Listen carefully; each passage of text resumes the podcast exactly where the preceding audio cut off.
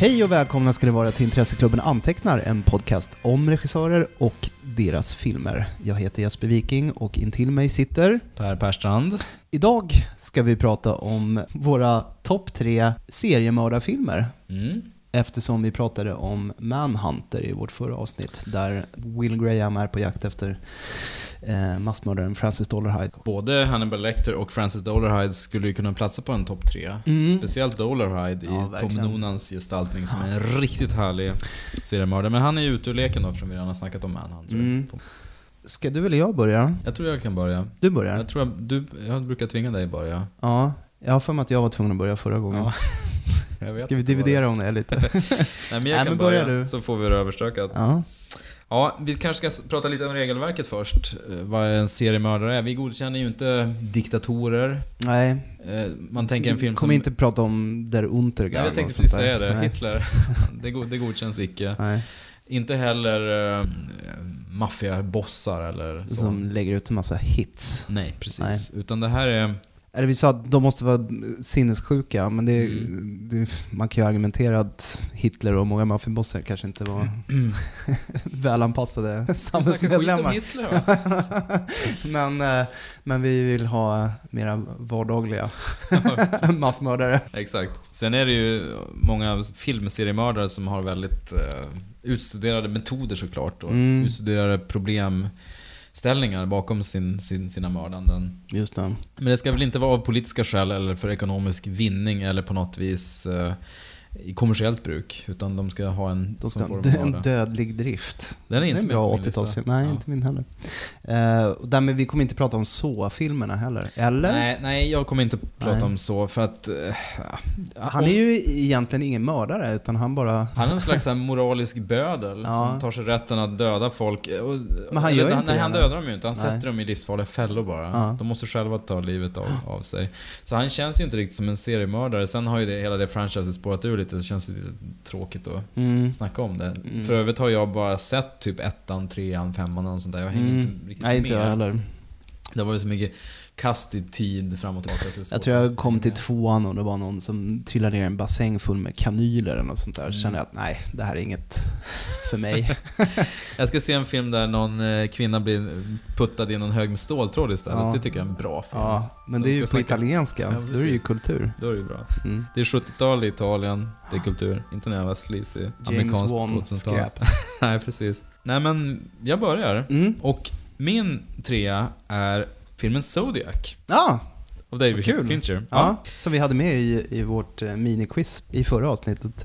Just det, Ja, vad det hade roligt. vi. Ja, ju, precis. Du spelade Hurdy-Gurdy Man och den, Mm. den satte jag ju tack och lov rätt snabbt för att eh, den har ju... Den låten har ju för evigt blivit förknippad med, Mm. med The Zodiac Killer. Och obehag. Precis. Dear editor, this is the murderer of the two teenagers last Christmas at Lake Herman and the girl on the 4th of July. I want you to print this cipher on the front page of your paper. He wants his code in the afternoon edition. Ray Smith, don't you have a cartoon to finish? The Zodiac Killer has come to San Francisco. Another letter. School children make nice targets. He gave himself a name. Greek, Morse code, astrological signs. This guy's used them all. I like killing people because man is the most dangerous animal of all. How does one do that? I like puzzles, I do them a lot. Got any hard På stuff? ett sätt är ju Zodiac-filmen, eh, alltså David Finchers film från 2006. Mm. När kom den egentligen? Kan det vara 2006. Något sånt. Den är på, på sätt och vis atypisk därför att man får ju f- i stort sett inte följa mördaren särskilt mycket. Nej. 2007 är den från, kolla Ja. nu när jag fuskar. På ett sätt är ju den filmen mer besläktad med en film som Alla presidentens män Mm. än en, en, en seriemördarfilm. Därför att det är fokus på, på två journalister egentligen, Mm. som jagar Och en mördaren. redaktion. En redaktion som blir besatt av det, som tillsammans med polisen jagar den här jäckande mördaren. Och om man räknar screen time med The Zodiac Killer så är det ju bara några minuter. i Ja. Det stora hela. Filmen är ju, är ju lång, två och en halv, tre timmar lång. Filmen slutar ju med att man inte riktigt får något svar på vem Zodiac Killer var. Nej, för Eh. man vet ju inte. Nej, och den bygger ju på boken av Robert Graysmith som spelas av Jake Gyllenhaal. Mm. Och det är ju delvis det som gör filmen så, så härlig och jäckande att det aldrig kommer ett svar. Mm. Men när man ser filmen så det läggs ju fram ett ganska starkt case för att det är den här eh, figuren som spelas av John Carroll Lynch. Ja, just det. Eh, som heter Arthur Lee Allen då i filmen. Just det. Det är en lång scen mot slutet av filmen där de har en lång intervju med honom. Mm. John Carroll Lynch är ju en sån pålitlig birollskådare. Han är ju kanske mest känd som Norm då i Fargo. Mm. Som den här eh, Snälla, jättesnälla, lite tjocka... fågelmålande Ja, precis. maken. Ja. det är ju så mysigt när de ligger i sängen och har kvällssnack. Ja. Han, han sitter och målar på sina projekt där. Ja. Så, så dels är han ju... Hela den scenen är ju så fruktansvärt bra Mm. och liksom så tät. Och John Carroll Lynch spelar ju så, så otroligt bra. Så jag, Ja, jag vill verkligen. ju tänka att det är han som, som liksom är the Zodiac Killer. Mm. Det är den här... Jag vet inte varför jag vill det, men Ja, en härlig tanke i alla fall. Ja, sådana här känslor kan man inte rå på. Nej men precis. Nej men så, så även om Zodiac inte följer en seriemördare utan egentligen med i jakten på den. Mm. Så tycker jag om filmen så mycket. Och jag tycker om Fincher så pass mycket. Och jag älskar filmer, alltså den är ju journalistromantisk på ett sätt som Ja. Alla Presidentens Män är också. Att Just det. verkligen följer en idog jakt. Och sen är det ju det är väldigt mycket så här papperstidnings gammelmedia-nostalgi över den också. Precis. Att mördaren, Zodiac Killer skickar ju ledtrådar på papper. Där, ja. Den här eh, korsordskonstruktören Grace Smith sitter och dechiffrerar det Ja. tillsammans med den här försupne kollegan som spelas Robert Downey Jr. Mm. Med riktigt sån här så här cynisk bitvarg. reporter av gamla skolan. Mm, precis, hela den processen skildras så, så snyggt. Och hela filmen serveras ju det här Fincher-paketet med liksom ett perfekt soundtrack, Mm. perfekt foto. Det finns ju några scener med Zodiac som är otroligt obehagliga. Framförallt är ju den där yngre studentparet som... Mm. Ha, ska ha picknick. Ja, precis vid Ja, där. Det är obehagligt. så fruktansvärt obehaglig Ja. scen. Och... eh, Nej, det är en sån här scen jag... På något, Zodiac är en sån film som faktiskt går på TV lite då och då. Ja. När jag slår på så är det alltid den scenen. Ja. Jag pallar nästan inte Ja, kolla. det är ett textbokexempel på Ja. eh, total hjälplöshet. Mm, för just det här bli fastbunden och, och ligga på mage. och Ja, huggen i ryggen. Ja, det är så Ja, det är hemskt. obehagligt. Mm. Men, eh, och det är fascinerande för i, i samma veva som Zodiac kom så släpptes det ju en massa Zodiac-filmer. Jag tror Ulli Lommel gjorde någon film. Ja, just det. Gamla Ja. Bogeyman-gubben. som hette typ The Zodiac Killer. Ja. Eller, alltså med snarlika Det titlar. är de där som dyker upp på. Netflix Mm, oftast. exakt. Åh, oh, Zodiac! Jaha, Ja, det var jaha. inte den. Ah, okej.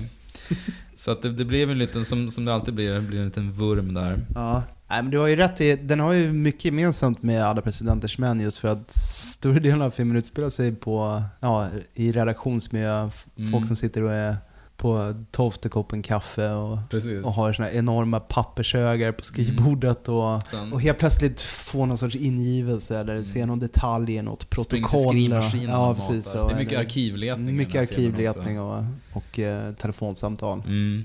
Eh, och ändå så blir det så olidligt spännande. Mm. Den är ju väldigt lång också. Mm, den är jättelång. Och, eh, men det känner man ju inte av. Det blir, ingen, det blir ingen långbänk så här. Nej men det, den har ju lite samma struktur som alla presidentens män. Mm. I det att det mest spännande som händer är att någon som de pratar telefon med ändrar sig under samtalets gång. Det är det Mm. som händer. Och Mm. att det finns också ett, ett hot mot de här två journalisterna som, Mm. som är uttalat men det händer ju egentligen aldrig någonting. Nej.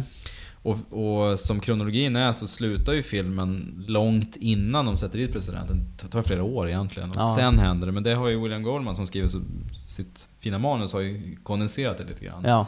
Och det, det är ju lite samma, nu slutar det i och för sig lyckligt om man ska säga med att Nixon avgår. Ja. Men det kanske är så att de riktiga skurkarna ändå inte åker dit. Nej. I Zodiac har det ju totalt antiklimax med att man inte vet egentligen. Nej, Så det, verkligen. det är egentligen själva processen, själva jakten. Som, som, som jag sa tidigare, å, å ena sidan kanske det här egentligen mer är en journalistthriller. Ja. Som en seriemördarfilm. En, en film om besatthet. Ja men precis. Precis, för att Grace Smith blir ju mer, än- mer eller mindre besatt. Han förlorar ju Ja. sin familj i princip. Ja.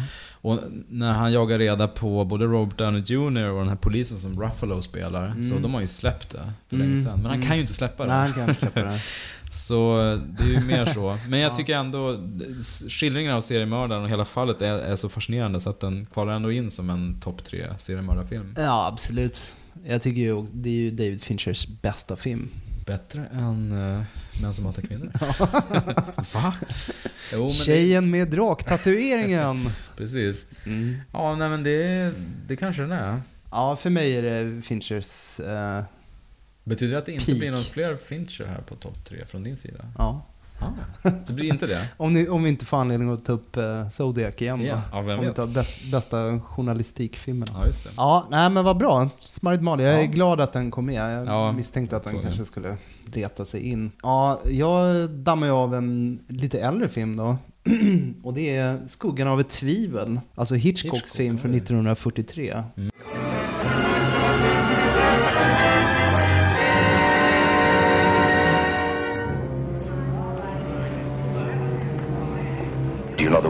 the world is a foul sty? Do you know if you ripped the fronts off houses, you'd find swine?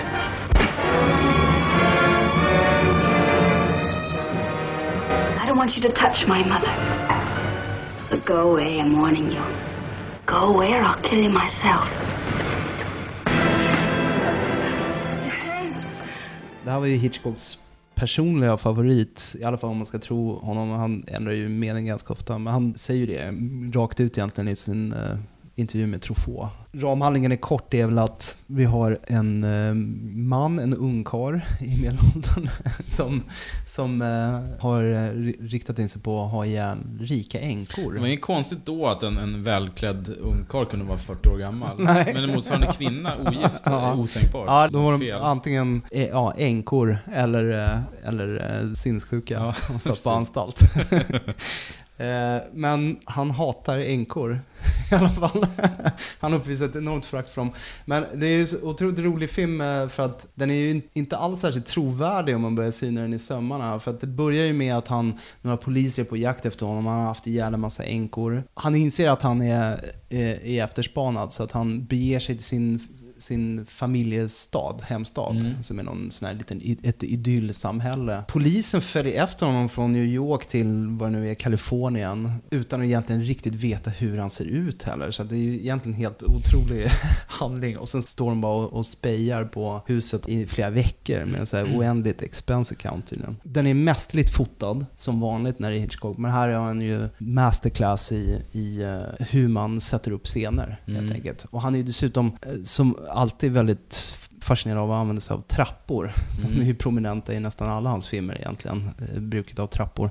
I den här filmen så har vi ett hus med två trappor, en på insidan och en på utsidan. Han använder, båda i eh, flera dramatiska scener som bara i sig är liksom en, en lyx att titta på. Eh, och sen så eh, har vi då Joseph Cotten i huvudrollen som eh, den här enkemördaren. Och eh, han är ju fantastisk i den här filmen. Han har ju, hade ju en karriär på att spela good guys, eller präktiga goda, goda män. Mm. Eh, Men här spelar han ett riktigt vidrigt as. Han har en eh, sån här superhärlig, alltså som en skådis våta dröm, han får hålla en sån här eh, monologscen eh, vid middagsbordet när han mer eller mindre faktiskt avslöjar att han är mördare. Eh, Och man kan läsa lite mellan raderna där han pratar om hur rika änkor är liksom feta kreatur som förtjänar att slaktas.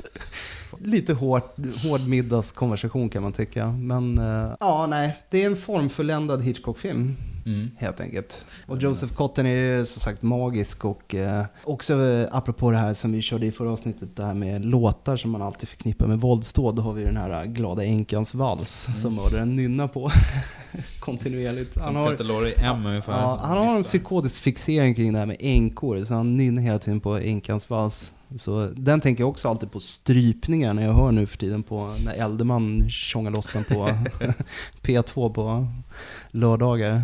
Underbart. Ju snackat ganska lite om Hitchcock överhuvudtaget. Ja, det har vi. Men det är mycket att titta på. Jo, Man får ju verkligen begränsa sig. Vi får ju vara lite speciella och snacka om så här Rich and Strange eller The Lodger eller någon så här tidig, lite halvobskyr film. Ugglor i mossen. Ja men exakt. Uppvärdera den. Ja, fan vad gött. Mm. En vaga min. Det var länge sedan jag såg eh, Kotten. Filmen. Ja, den är underbar.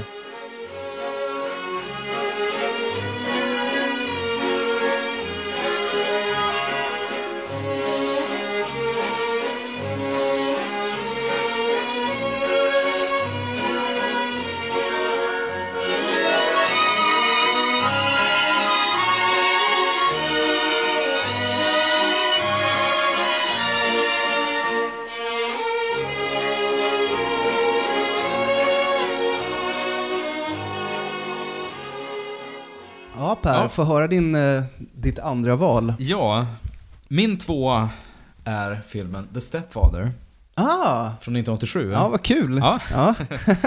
Den här filmen har jag faktiskt bara sett en gång och det var då på bio. Mm. Och det här är ju, den har gjorts i en remake nu för några år sedan, så en film som Ja, gick direkt till det. Man hittar Ja, i backen för 19 spänn. Ja. Eh, Med han från Nip Tuck i huvudrollen. Jag har inte sett den. Vad han nu heter. Vad han nu heter. Vad han nu Det är heter bra att podden. vi, att vi är så kunniga. Det är otroligt. Ja. Otroligt bra. Dylan Walsh var det i Stepfather-remaken i alla Ja, fall. Dylan Walsh heter han. Mm. Ja, det är Också så här generiskt namn, svårt att komma ihåg. Dylan Walsh. Mm. The Stepfather är då eh, en skräckis med Terry O'Quinn. Men just det. På senare år eh, förstås mest känd som Lock. Lock, Lock i Lost. Lock i Lost. Lost Lock. Men han spelar då en eh, ja, men väldigt så trevlig, clean cut, Mm. vanlig, hel, helylle amerikansk man. Mm. Men han har ju ett MO då. Mm. Lite som Joseph Cotton, att han gifte sig med änkor. Ja. Eller frånskilda kvinnor Ja. med familj. Easy För- Prey. Ja men verkligen, han, han, han kommer in och charmar dem och nästlas in i familjen. Han har ju en dröm om liksom det perfekta familjelivet. Sen när han väl har gift sig med kvinnorna, då visar det sig att han är ju en eh, ganska sträng pappa som får Schwarzenegger i, i, dagissnuten och verkar som rena semestern. Just det. Han gillar disciplin helt enkelt. Mm. Och när då de här moderna familjerna börjar mopsa upp sig, då slaktar han dem bara. Mm. Mördar dem, och så drar han vidare. Mm. Och på något vis så lyckas han ju... Eh, han, har väl, han smälter ju in i lokalsamhället, men lyckas väl inte lämna några bestående intryck så att han då kan åka vidare till en ny delstat, hooka Mm. upp en ny familj. När de börjar bli inte lyda, då slaktar han dem också. Så håller han på sådär. Mm. Som är Eh. djävulens barnvakt. Ja, men lite så, precis. Det kom mycket sådana filmer under den här perioden. You can call me sentimental, I don't care. I have beautiful friends, I have a wonderful new family.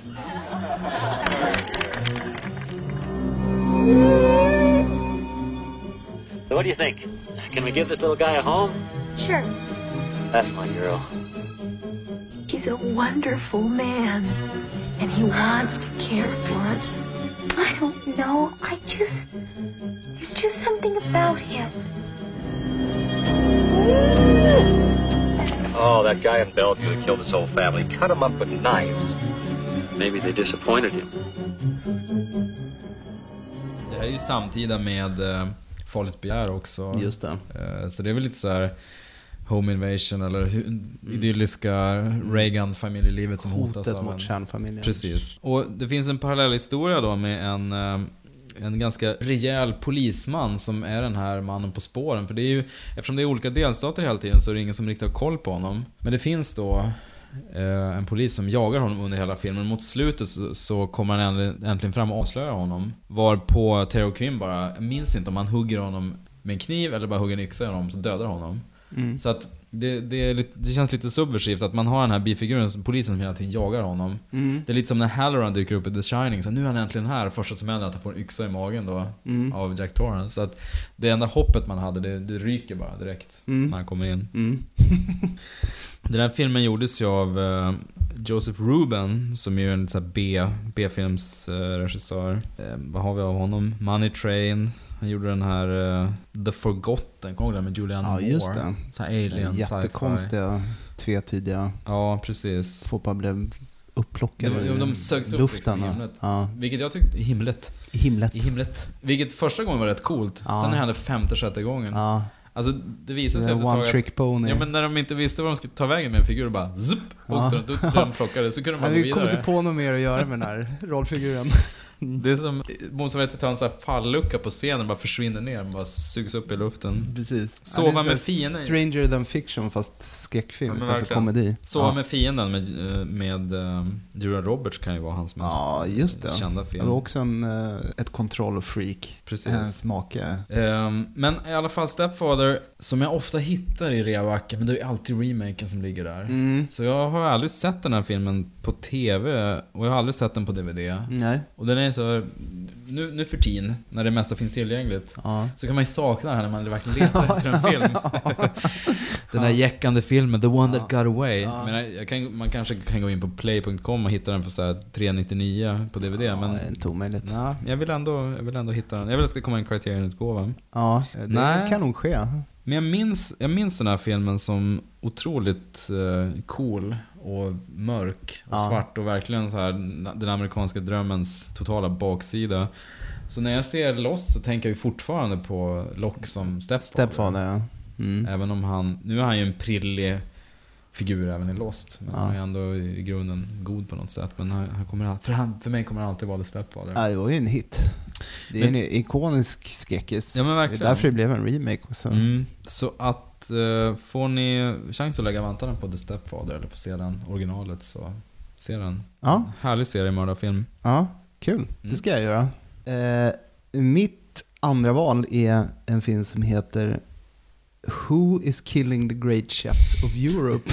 Eller den överlägsna svenska titeln Döden i, grytan. Just det. Eh, som kom 1978 tror jag, eller 76. Jag vill säga Robert Morley här. Absolut. Who is killing the great chefs of Europe? Mooney now. He's next, don't you see? Ah! That's it, Robbie. Always rings when you're in the tub. I know who the next victim's gonna be. Who is it this time? Aunt Jemima? I am the dessert. Robert! George Siegel, Jacqueline Bissett, and Robert Morley are all asking, who is killing the great chefs of Europe? Rated PG. Den här filmen i korthet handlar ju om att det finns en gastronom som ger ut en otroligt prestigefylld matpublikation. Och han har samlat ihop en massa stjärnkockar från hela världen som han anser vara bäst Eh, för att sätta ihop den ultimata drömmåltiden. Men så händer det sig så att de börjar dö en efter en på ganska obehagliga sätt eh, i enhet med deras specialrätter. Så det finns en person som är jätteduktig på pressade anka och han blir ihjälklämd i en ankpress till exempel. Och eh, någon håller på... De dör på det sätt de... På, eh, på samma de sätt som, som de anre, anrättar Ja, sina måltider. Anledningen att jag väljer den här filmen är att den är en ganska bra representant för en genre som jag personligen är väldigt förtjust i, som är komeditrillen. Mm. som kanske fick någon sorts avstamp på 60-talet, gärna med Cary Grant och Mm. sådär, som Charade och ja, kanske även North by Northwest och sånt där. Mm.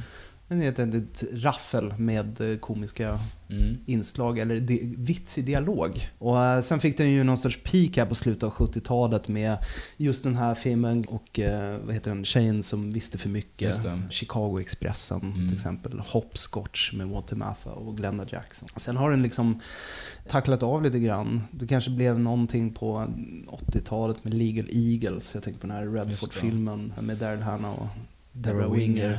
Kanske Spanarna också. Kanske Spanarna och sen I Love Trouble med Nick Nolte och Julia Roberts. Sneakers kanske, Mm. då är vi inne på 90-talet. Men den är, man ser den inte så ofta längre. Jag vet inte om Doug Lymans, eh, den här Mr. och Mrs. Smith skulle vara någon sorts ansats att göra den typen av film, men det misslyckades meningen. han kapitalt med. Lite så också kanske Night and Day. Den här med Tom Cruise och Ja, Cameron det. Diaz. Just det. Av Precis, James det var nog Mangold. kanske ett, ett mer eh, ambitiöst försök. Ja, jag tyckte den var helt okej. Det är Mm. någon slags blandning av agentthriller och eh, romantisk komedi. Mm. Lite, med lite ansats till rolig screwball-dialog i alla fall. Det är inte på Cary Grant-nivå, Nej. men det är ju ändå ganska lyckat. Huvudingredienserna i den här genren är ju då såklart lite glammiga skådisar. Och så ska det vara vitsig dialog. Och så ska det vara romantik Mm. och mord. Mm. Vilket är en perfekt kombo. Låter som en sån här påa av Hitchcock himself. Ja. Romance, Romance, och just den här filmen regisserades av Ted Kotcheff då, som inte heller är något affischnamn. Han är en ganska bred bruksregissör i alla fall. Han gjorde väl typ First Blood sen också. Och, eh, och sen Länge lever Bernie. Två av Johan Mangens Ja, favoritfilmer. verkligen. Men den är fin, det är en bra cast. Du har ju som du sa tidigare Robert Morley som var, ja vad kan man säga om, om honom? Han var en brittisk, sedermera adlad skådis som gjorde sig mest känd för att spela ganska pompösa högfärdsblåsor. Mm. Uh, minnesvärd i Marie Antoinette, Afrikas drottning och Eh, mycket så caper-filmer också på Mm. 60-talet. Han gör i alla fall en fantastisk roll i den här filmen som den här gastronomen som samlar ihop de här kockarna. Han är oerhört sarkastisk och väldigt rolig. Sen är det en sån här all-star cast med, med global spridning. Vi har Jean-Pierre Cassel, alltså Vincents farsa. Philippe Noiret, ska Mm. man säga. Och eh, på USA-sidan har vi George Seagal Åh. som också var sån här dominant 70, caper-mannen. 70 tidig 80-talsskådis. Gjorde mycket komiska rollinsatser i, med dagens ögon, halvunkna filmer som Ugglan och Kissekatten och, och eh, Jacqueline Bisset då, som Mm. hans eh, motspelare. Ja, kanske inget måste för cineasten, men eh, en, en mysig matiné. En, en helg eftermiddag. Ja. Det är mycket, du vet, softad lins och champagneskämt i europeiska lyxmiljöer. Och så lite mysterieraffel. Jättemysigt. Jag Ja. tror jag har sett den här filmen fast som barn. Så jag Mm. har otroligt vaga minnen av den. Ett fint soundtrack av Henry Mancini också. Mm. Som, Som eh, pricken över i. Mm. Härligt. Ja, den hoppas jag... Det är en sån film man skulle vilja att den bara dök upp någon eftermiddag på TV. Ja. Sitta och mysglo. Finns kanske inte på DVD. Jag har faktiskt inte kollat upp det, men eh, jag har någon gammal VS, VHS i, eh, i garderoben som folk kan få låna om de mejlar in och Precis. efterfrågar. Icapodcast.gmail.com Ja. Attention Jesper så ska Mm. vi kunna fixa det. Så det var mitt eh, andra val. Vad härligt. Eh, Jag kontrasterar ditt eh, mysiga, soliga, skälmska bidrag med den kanske mest deprimerande och föreställer mig realistiska filmen om en seriemördare som gjorts hittills. Och det är Henry, Portrait of a Serial Ja, Killer. vad bra att du tog den. Jag var tvungen att ta den för Mm. att dels så känns det lite som den ultimata seriemördarfilmen. Mm. Och sen så i, som kontrast då till de här så att säga mysiga seriemördarna. Vi har ju nämnt Hannibal Lecter, vi har ju Mike Myers. Det finns ju flera skolor inom seriemördargenren men ofta är det ju att det blir en lite, det är lite coolt Mm. att vara seriemördare. Om Mm. det är såna här over the top-figurer som Jason Voorhees och så. Mm. Men Henry då... Personligen väldigt svårt för, det, för den utvecklingen. Den här Jo. Hjälteförklaringen av... Jag klarar inte av Dexter och såna här serier. Nej. Jag tycker det är moraliskt Moraliskt fördärvligt. tveksamt. alltså. Ja, det, det är lite svårt att ta. Men men. Den här filmen bygger ju på, som är från 86 då, John Mm. McNaughton, bygger ju på Henry Lee Lucas Mm. som var en riktig seriemördare som mördade ett 50-tal människor tror jag. Jag har inte den exakta siffran. Men han, han var en, En drifter som bara mördade folk och det han som var hans MO var ju också att han mest mördade eh, fattiglappar och lowlives och Mm. trash liksom. Så att det var aldrig någon som upptäckte det riktigt. Han höll sig på samhällets bakgård så att säga. Mm. Så att det, det blev inga stora polispådrag. Det var ingen sån Michael Douglas medelklassfigur som blev Mm, mördad. nej. Ehm, och han hänger då med sin kompis Otis, som också är en riktig så här sleazeball. Och, och driver runt bara. Och i den mån man får någon förklaring till varför han gör det så gör han det för att han är, han är bara jävligt uttråkad. Ja. Och vill ha något att göra. Mm. Samtidigt är han ju ganska metodisk. Han mördar, han sågar upp dem i badkaret, lägger dem i svarta sopsäckar, slänger det längs vägrenen, drar vidare till nästa stad. Kill your mama. What? Did you really kill your mama? I guess I did. She must have treated you real bad. She's a whore. Susie!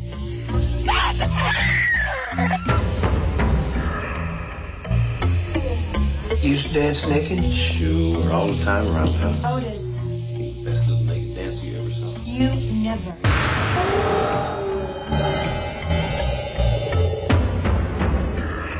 Telling me you never killed anybody before? I ain't saying that. Det är otroligt, det är otroligt mörkt. Mm. Och det finns ingen liksom, finns inget ljus i den här filmen. Nej. Och den, har, den fick ju såklart censurproblem. Och det ironiska är ju givetvis då att filmen som kanske skildrar realistiskt våld eller realistiska mord hamnar i trubbel. Medan det Ja. som glamoriserar och gör det lite mäktigt, det passerar ju alltid. Ja. Det är ju eh, en, en välbekant dubbelmoral. Ja, den är ju toppen just också för att han är ju inget wit, som du Nej. säger. Han är ingen... ingen Han är inget mastermind. Nej, och ingen, ingen eh, charmerande människa. Han är bara en dum, Ja. vidrig, Ja. vidrigt pucko. Ja. En, liksom en, eh, en dum lantis. Precis. Som bara mördar folk. Ja. Som hänger med den här Otis då. Och ja, de har ju inga riktiga gemensamma intressen mer än att Otis bara hjälper honom att mörda efter Ja. ett tag. Ja. Bara för att han har inget, inget för sig heller. inget bättre för sig. Inget bättre för sig, ingen Nej. moral överhuvudtaget. Sen är ju Michael Rooker så jävla bra också. Mm. Han är ju väldigt duktig på den här uh, vreden, eller Mm. under ytan-vreden. Mm. Som uh, han drog nytta av även i, vad heter den, Mississippi-brinden va? Just det. Han också spelat en sån här extremt våldsam människa som Mm. med nöd och näppe lyckas. På senare tid är Michael Rooker mest känd som eh, Merle i Walking Dead. Alltså den så här riktigt våldsamma redneck-brorsan till Daryl. Mhm. Som är med i de första säsongerna. Okej. Som är ett riktigt as. Men han har ju hela tiden det här... Han spelar en ganska simpel figur. Riktigt så här eh, misogyn, otroligt våldsam, enkel men slug mördare. Mm. Mm. Låter som klippt och skuret Ja för men verkligen, det är, det är hans roll. För Ja. det, det är som det här du säger, han, han har ju en förmåga att gestalta det här våldet som hela tiden ligger och Bubblar under När ytan. som helst kan, Ja. bryta fram. Han är liksom inte dum, han är inte smart, men han är, han är slug helt Slug, ja. Han är inte Mm. korkad. Ja, det är kul att höra att han kommer till sin rätt eh, även nu då. Jag har Mm. inte sett honom egentligen sen den här Slither va? Har, du- har du sett den? Ja, den med... Alltså den med... Konstiga iglarna som gör, han blir för transformerad och blir en sån här Ja, ja, just det. totalt vidrigt... eh, Just det, Slither. Jag tänkte, satt och tänkte på Sliver. Du Jaha, vet den ja. med...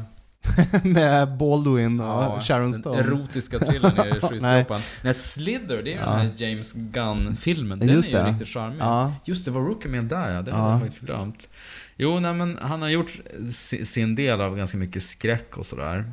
Eh, och får ju ofta spela psykopat. Eller bara otroligt otrevliga människor. Men eh, Henry Portrait of the Serial Killer tror jag blev ganska hårt klippt när den släpptes i Sverige på sin tid på VHS. Men idag finns den ju, utgår jag från, oklippt på DVD. Mm. Också en sån film man kan eh, möjligen stöta på i någon reaback, men det är inte särskilt vanligt. Nej. Men har ni en chans så, så se den, men förvänta er den, den, dystraste, mest glåmiga, mest deprimerande och kanske mest realistiska seriemördarfilm någonsin. Ja. Skildrar en, en seriemördares vardag. Ja, det är liksom, det är den här och Man Bites Dog, nej Man Eats Dog. Man Bites Dog, Man Bites franska. Dog Ja, är väl typ det närmaste man kommer. Mm. Ja, men seriöst. just som att det, någon, det kan vara uppfriskande att sk- skölja av sig med en film som skildrar en seriemördare utan, som inte läcker på något sätt. Nej, eller mäktig, precis. eller har några personliga drag. Utan den visar bara hur det är. En jävligt empatilös, uttråkad, störd människa. Otroligt bra och otroligt mörkt. Ja. Jag såg den ju på Umeå filmfestival då, Mm. 86. Jag, jag tror inte jag har sett om den sen dess. Jag minns ju jätteväl en massa scener i den. Johan brukar ju köra 'Plug him in Otis' när de Ja, så här, just det. Otis håller fast Ja, när de just trycker in sån här TV Ja, just det. ja. Eller om de, de trycker en huv, TV på hans huvud eller något sånt där. Otis, plug it in. Mitt första val är ju då filmen M. Oh. Fritz Langs Mm. film från 1931. Underbart. Muss, will nicht, muss. Was habe ich getan? Aber ich weiß doch von gar nichts. Aber wer glaubt mir denn? Wer weiß denn, wie sie mir aussieht? Wie es schreit und brüllt da innen? Wie ich tun muss? Will nicht, muss, will nicht, muss! Und dann schreit eine Stimme und ich kann es nicht mehr hören! Ja, jag vet inte. Alltså Fritz Lang kan vi ju ägna ett helt avsnitt åt. Det kan vi göra. Men eh, den här filmen, han hade ju ett par eh, hits i ryggen när han hade gjort den här. kan vi konstatera.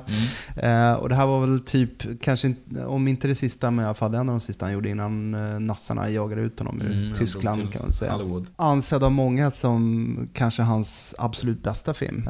Och det kan man ju tvista om. Han gjorde ju många mer, vad ska man säga, formalistiskt eller eh, eh, hantverksmässigt skickligare filmer Mm. i Hollywood. Ja. Många snygga eh, noir, små noir-filmer. Typ Scarlet Street och sådär. Den här filmen var väl kanske också, och är väl känd också som någon sorts startskott för noir-genren i sig. Han har varit ganska instrumental i den. Men den är ju absolut minnesvärd för den har ju en av filmhistoriens eh, mest Ja men både tragiska och skräckinjagande mördare. Ja. Just att det handlar om en barnamördare också gör ju att det precis. extra otäckt. Som blir eh, ställd inför folkrättegång i alla fall Mm. av, av stadens kriminella undervärld. Precis. Och där han bedyrar då att han kan inte rå på vad han gör. Till skillnad från dem som bara är slapparslen som inte Mm. har lärt sig ett hantverk.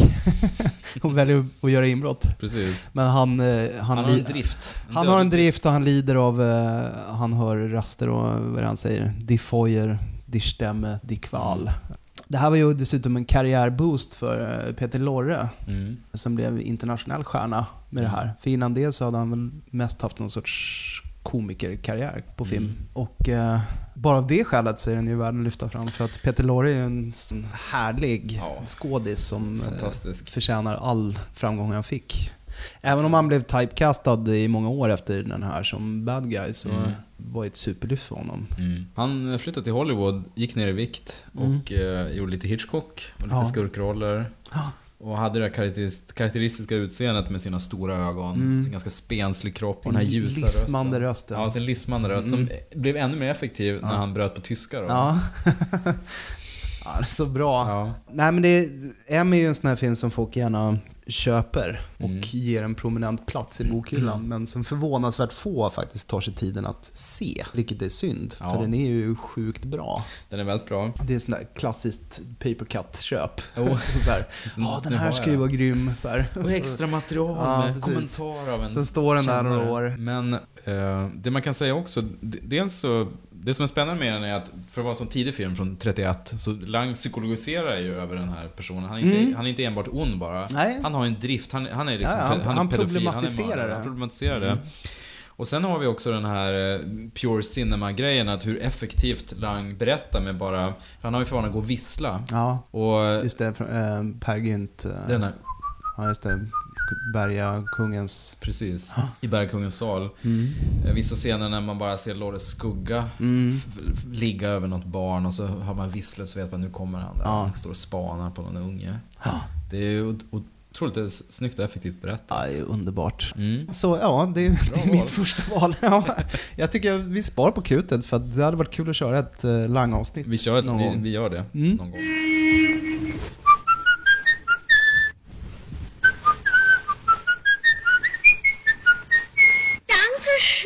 Ja, men du, eh, vi har ju några, mm, några hedersomnämnanden också. Mm. Som inte kom med på listan så att säga, men som vi eh, hade i åtanke här. Ja, jag, jag listade några.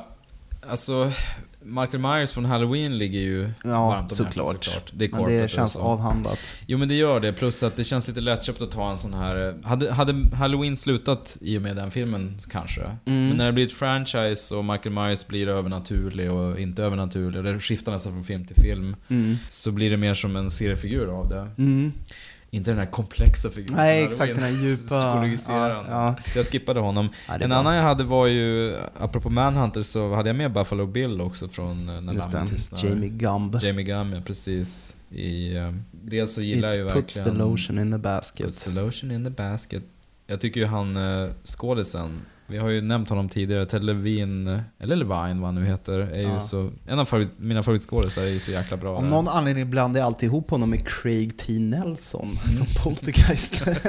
Nej men sen finns det ju sådana här givna val som Norman Bates i Psycho. Mm, Eh, Psycho såklart. Nu fick vi med Hitchcock ändå. Jo men det fick vi. Mm. Samtidigt så, Norman Bates känns inte riktigt som en äkta Serial killer, nej, Han är mer inte. väldigt så här, plågad son. Ja. Under, som under väldigt dåliga omständigheter har- har blivit störd och mördat. Han var ihjäl folk som checkar in på hans Mm. hotell. Precis, han är lite kräsen. Ja, han är lite så, han är kräsen. inte så utåtriktad, Ja. han håller sig hemma hos mamma.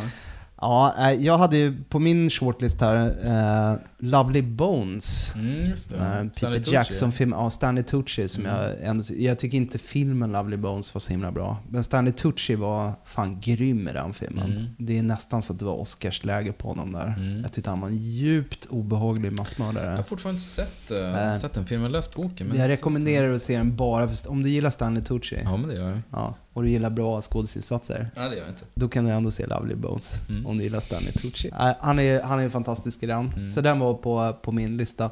Sen eh, nästan inte på min lista, men Death Proof, alltså Kurt Russell. Ja, just det.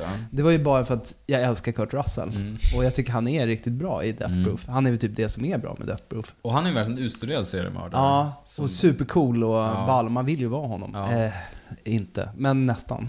Man blir ju lite cool. ledsen på slutet när tjejerna får the upper hand. Ja. För att han är ju ändå coolare än dem. På något till sätt. slut. Och en snyggare bil. Ja, faktiskt. Eh, sen hade jag med Mr Brooks. Alltså Ja, den här Kevin Kevin, Costner. Costner-filmen.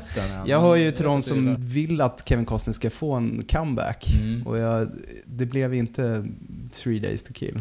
Men, men eh, jag, jag hade, blir inte dugg förvånad om man kommer tillbaka till rampljuset vilken dag som helst. Med sina härliga, höga, breda jeans. Eh, men Mr Brooks, eh, ganska bra film. Mm. Han är ju massmördare och han har ett behov av att döda. Men i större delen av filmen så har han ju någon sorts intern monolog med sitt mördar-alter ego som är William Hurt. Mm. Som dyker upp. Som inte finns i verkligheten. Som inte finns en Molgan, en modisk Molgan Ja. som dyker upp i baksätet på hans bil hela tiden Mm. och typ är sarkastisk och, och kylig. Och det är ju roligt att se William Hurt också igen, Mm. för att han var också väldigt stor där på 80-talet och sen Mm. liksom försvann lite grann Mm. rampljuset. Och slutligen så hade jag med Nightbreed, alltså den här Clive Barker-haveriet, som såg jag nu kommer ut i en begränsad Directors Cut i USA än så länge. Vi får se om den når Europa också. Det som är anmärkningsvärt med Nightbreed är att David Cronenberg spelar seriemördare redan. Just det. Alltså jag har ju sett Nightbeat för Mm. länge sedan, men jag känner igen det för jag hade svårt Ja. att hänga med i den. Jag känner Ja, att jag var tvungen att... det går inte att hänga med Jag den. borde egentligen ha läst tre, fyra böcker av... eh, Jag hade bara läst den här The Great and Secret Show då, bak, som jag också hade svårt att följa med i. David Cronenberg är föga förvånande jättebra som massmördare. Han, han, han, han är ju så bra i To Die For Ja. också som, Ja. som eh, lönnmördare. Exakt. Han har ju den rätta uppsynen. Han har en sån här vidrig fågelskrämmande mask han drar på sig Mm. också med knappögon när han ska. Han är läskig i den. Det ska bli kul att se Directors Cut. Mm. De härligaste Blu-ray-utgåvorna är ju alltid i USA. Jag hade några till på min eh, shortlist här. På Go, man, go. go. Det var lite svårt att välja bort John Doe, alltså Kevin Spacey då i Seven. Ja, just det. Apropå Fincher då. Just det. Eh, för det är ju en seriemördarfilm, men På sätt och vis har han ju ändå ett mission. Alltså Jo. han är ju lite rationell på det sättet. han är ju, även om han är ju uppenbarligen mer som. Jigsaw Ja, så på något vis. Och det känns så pass kalkylerat så att... eh, nej men jag tyckte inte, han kvalade inte in och sen så kändes ju den lite söndersnackad kanske. Ja. Seven. Då tycker jag ju Zodiac är en Mm. bättre film. Ja, även om absolut. Seven är fantastisk. Sen så valde jag bort eh, Anton Chigurh i No Country for Old Men. Ja, just det. Det var ju, det var ju det är sånt jävla snack om honom. Mm. Med den här ko... Och, eh, ja, Vad exakt. det? Lufttrycks... Tryck, Macapär luft, han går ja, runt i. Och hans roliga hår. Han är mer en Eh, lönnmördare. Han är lönnmördare, han är en torped. Ja, han kanske är diskad på så sätt. Mm. Däremot så, så hade han ju... Han kunde ju mörda folk vid sidan av om han kände för det också. Mm. Han var ju inte ren. Och det gjorde han ju. Det gjorde han ju faktiskt. Skona vissa är lite random också. Mm. Jag tänkte på Steve Buscemi i Conair också. Ja, Det, här person, det finns ju det här Ja. roliga galleriet. jag trodde ju faktiskt du skulle ha med Conair i din topp tre. Jag älskar ju Conair, Ja, som du vet. Så mycket bra namn också. Ja. Cyrus the Virus. The Marietta Mangler. Ja. Eh, och det är så... Men jag skippade på den. Vi kommer ju ändå köra en eh, Simon West. En Michael Bay. Michael Bay topplista snart. Eller? Du har ju tjatat så jävla länge. Ja, Nej, men slutligen har jag faktiskt en som jag nästan var på väg att ta med, fast hade, det kändes lite så här som att jag ville vara märkvärdig. Och det är ju faktiskt Timothy Dalton i Hot Ja. Fuzz. Ja, just det. Det är ganska Som bra. ju ligger bakom, eh, nu är han mer som ett criminellt, criminal mastermind på något sätt, Ja. än en seriemördare. Men han har ju iscensatt alla de här morden. Ja. Och den är så rolig, så elegant och det var så kul att se Hot Fuzz eh, när han dök upp igen. Ja. Och Peg och Frost och Wright gillar ju honom för han är ju med i The World's End också. Ja. Och är jättebra Jag har där. inte sett World's End än. Nej men det, den måste du se. Ja. Dalton har en liten men superbra roll där. Kul. Mm. Det är roligt överlag att Dalton har fått en Ja. renässans. Vi följer den här Penny Dreadful. Ja just det, där är han med ja. Den är ju sjukt bra. Han är ju verkligen en sorts naturlig arvtagare till eh, Christopher Price. Lee, Ja. skulle jag vilja säga snarare. Mm. Han kanske har hittat sin, sin nisch nu. Ah. Han kan Han vara är bra. diabolisk. Han är bra på att vara bister. Mm. Bister och diabolisk. Verkligen. Och sardonisk. Ja, det var våra seriemördarfavoriter. Ja. Och så ska vi väl säga också att det här är ingenting vi stödjer i livet, alltså att man mördar folk. Nej, vi ser helst inte att folk gör det. Men på film tycker vi det är härligt. Mm. Eh, har ni några egna förslag så får ni gärna mejla in dem Mm. till icapodcast.gmail.com. Men inte för många för vår inbox är knökfull. Ja, det rasar in mejl. Vi, vi försökt anställa folk för att hinna svara på allting. Ja. Det- Vi är tillbaka någon gång framöver helt enkelt med ny regissör och ny topp 3-listor. Mm. Ha det fint så länge. Ha det fint.